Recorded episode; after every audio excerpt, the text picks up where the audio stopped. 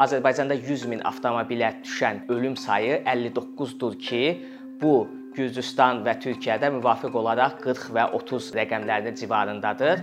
Avropada isə bu ən ideal rəqəmlər e, Niderland, Böyük Britaniya və İsveçdə qeydə alınır ki, bu da müvafiq olaraq 8, 7 və 5 rəqəmdir.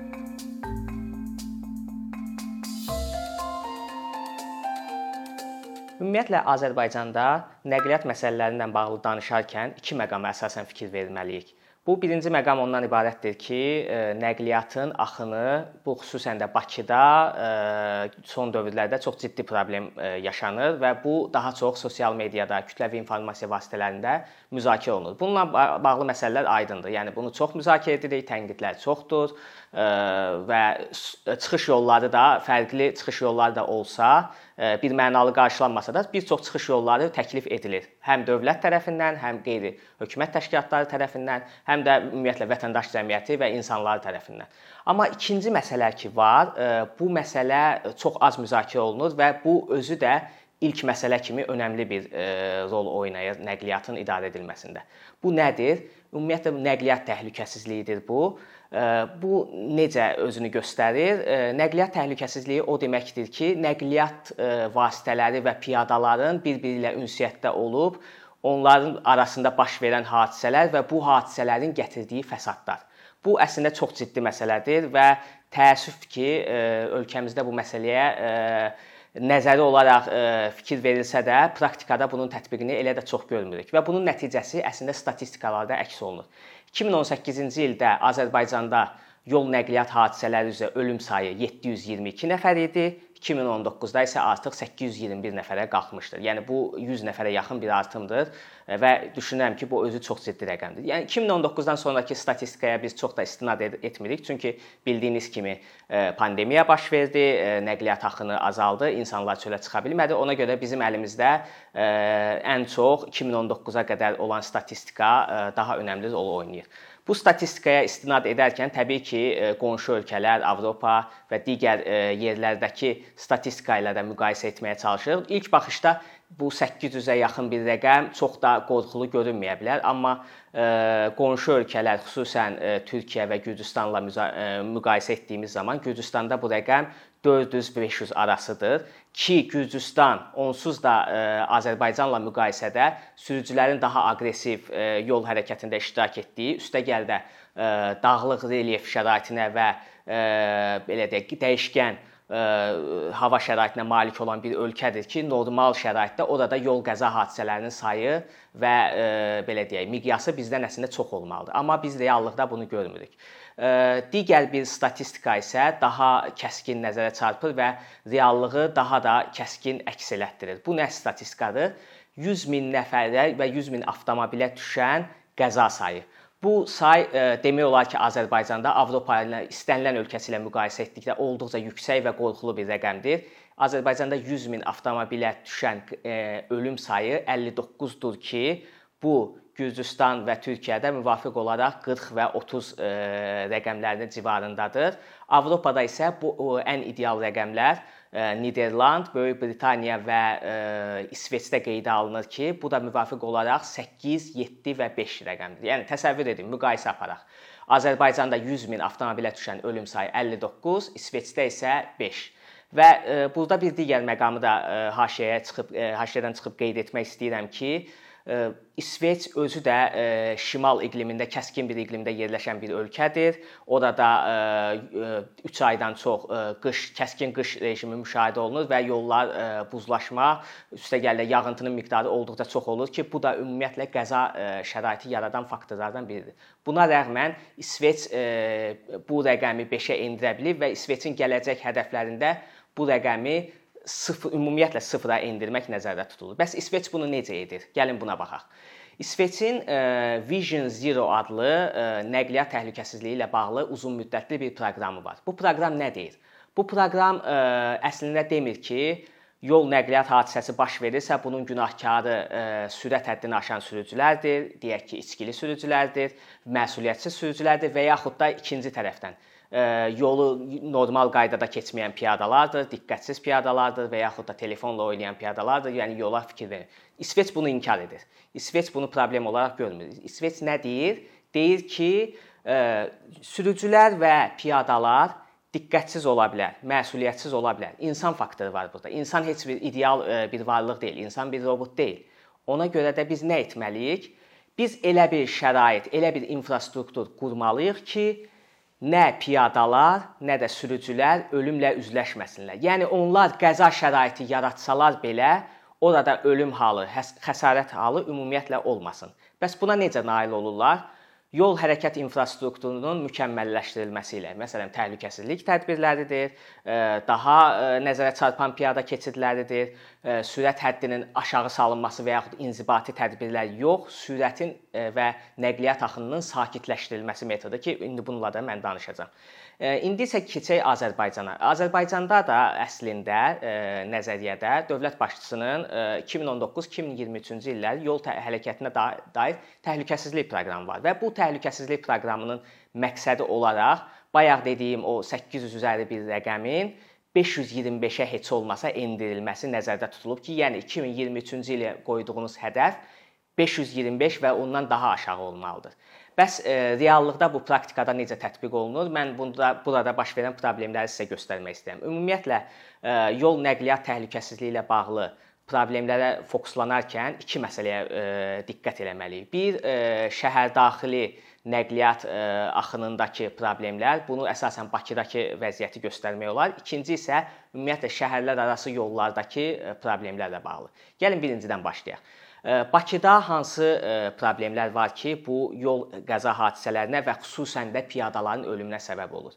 Birinci məsələ yolların çox enli olması və sürət həddinin aşılmasına şərait yaradılması. Məsələn, burada misal göstərmək olar Yusif Səfərov küçəsini. Yəni 1 kilometrdən biraz uzun bir küçə, şəhər şəhərin çox sıx məskunlaşmış hissəsində yerləşir. Buna baxmayaraq hərəkət zolaqlarının sayı kifayət qədər böyükdür keçidlər demək olar ki, nəzərə alınmayıb və piyada keçidləri insanları yer altına düşməyə və pilləkənlərdən istifadə etməyə yönləndirir.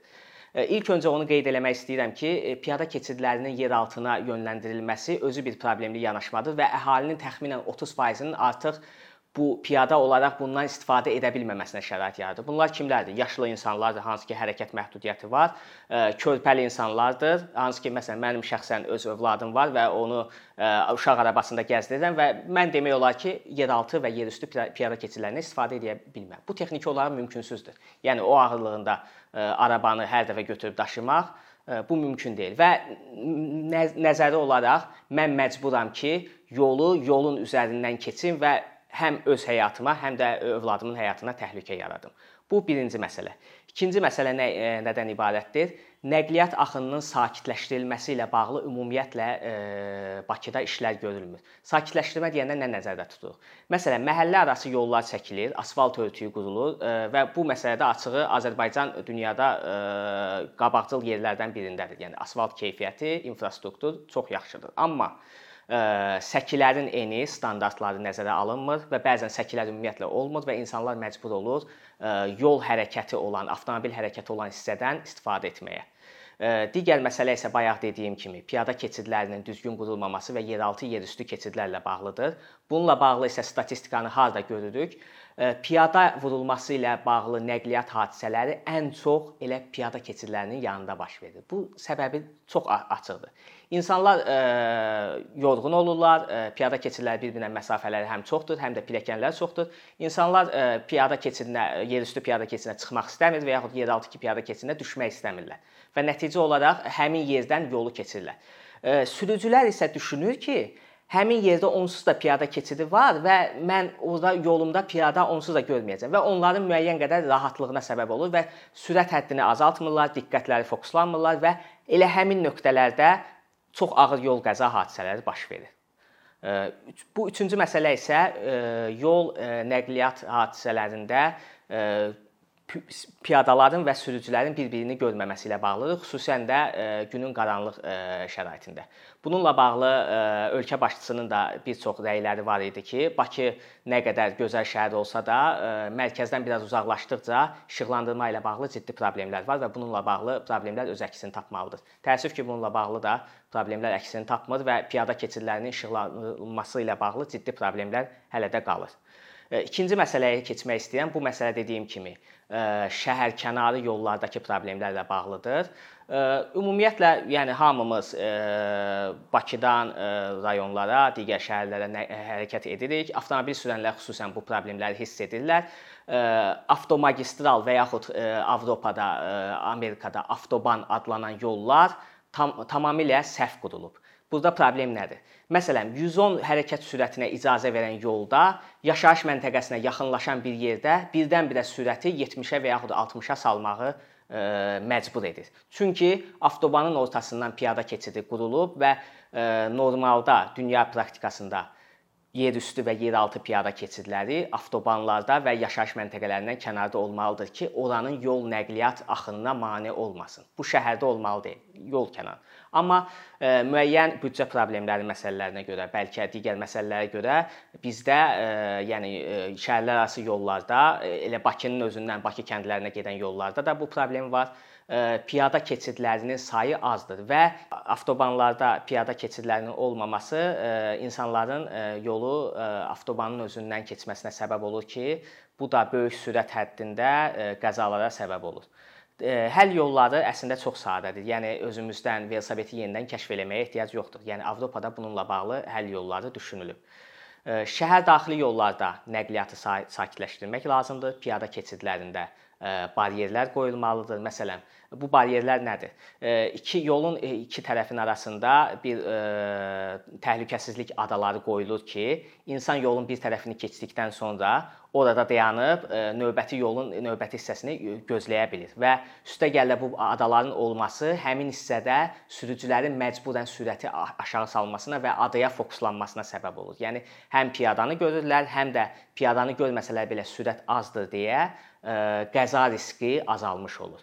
Avtobanlarda isə vəziyyət olmalıdır ki, şəhərdən və yaxud da hansısa bir yaşayış məntəqəsindən keçən hissələr ya yeraltı, ya yerüstü formada ya endirilib, ya qaldırılmalıdır ki, piyadaların avtobanın ya altından, ya üstündən maneəsiz keçidi təmin olunsun. Digər bir məsələ isə şəhərlərarası yollarda baryerlərlə bağlıdır. Bir çox hissələrdə baryerlərlə bağlı problemlər var və o baryerlərin olması belə qəza riskini, yəni qəza onsuz da baş verə bilər, amma qəzalarda ölüm riskini aşağı salır. Çünki qəzaların ən çox baş verdiyi səbəblərdən biri avtomobilin idarəetməni itirərək baryer olmayan bir hissədən keçib yolun digər hərəkət hissəsinə, əks hərəkət hissəsinə keçməsidir ki, orada da toqquşma baş verir və qəza ölümcül olur. Lakin burada baryerlər düzgün qurulsa, zolaqlar düzgün təmin edilsə, qəza sadəcə avtomobilin əzilməsi ilə bitə bilər. Dediyim kimi 2023-ə qədər hələ vaxtımız var.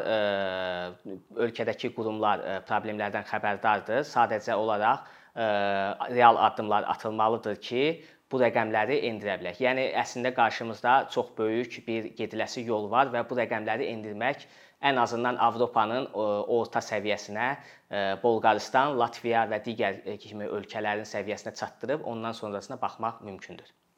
Thank you.